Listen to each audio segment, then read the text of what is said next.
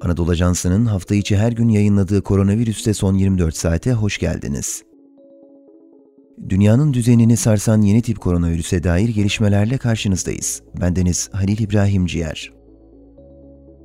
Dünya genelinde vaka sayısı 132 milyon 471 bin, hayatını kaybedenlerin sayısı 2 milyon 875 bin, iyileşenlerin sayısı ise 106 milyon 812 bin oldu. Türkiye'de Sağlık Bakanlığı'ndan yapılan son güncellemelere göre bir günde 245.496 COVID-19 testi yapıldı. 42.551 kişinin testi pozitif çıktı. 193 kişi hayatını kaybetti. İyileşenlerin sayısı ise 25.627 oldu. Haftalık verilere göre bu hafta hastalarda zatüre oranı %3,1, yatak doluluk oranı %55,7, erişkin yoğun bakım doluluk oranı %66,5, ventilatör doluluk oranı %33, ortalama temaslı tespit süresi 9 saat, filyasyon oranı %99.9 olarak kayda geçti. Son dönemde 81 il içinde en yüksek riskli iller sayısı 58'e yükseldi. Risk oranı en düşük il Şırnak oldu. İstanbul'da 2 milyon 755 bin 428, Ankara'da 1 milyon 384 bin 870 ve İzmir'de 1 milyon 167 bin kişi olmak üzere ülke genelinde toplam 17 milyon 411 bin 632 kişiye aşı yapıldı.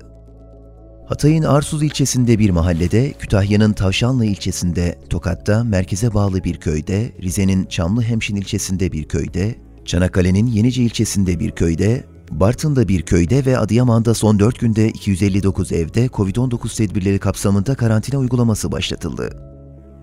Öte yandan Edirne'nin Keşan ilçesinde 129, Antalya'nın Alanya ilçesinde 75, Gaziantep'te 392, Konya'da 97, Trabzon'da 503, Muğla'da 66, Bursa'nın İnegöl ilçesinde 26, Malatya'da 27, Erzincan'da 25, Rize'de 109 kişiye COVID-19 tedbirini ihlal ettikleri gerekçesiyle para cezası uygulandı. Türkiye'de yapılan toplam test sayısı 40 milyona yaklaştı.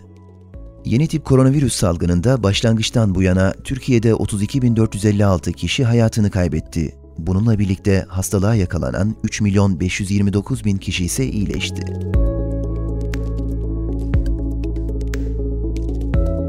Spotify, SoundCloud ve diğer mecralardaki podcastlerimizi dinlediğiniz için minnettarız. Lütfen abone olmayı unutmayın. Hoşçakalın.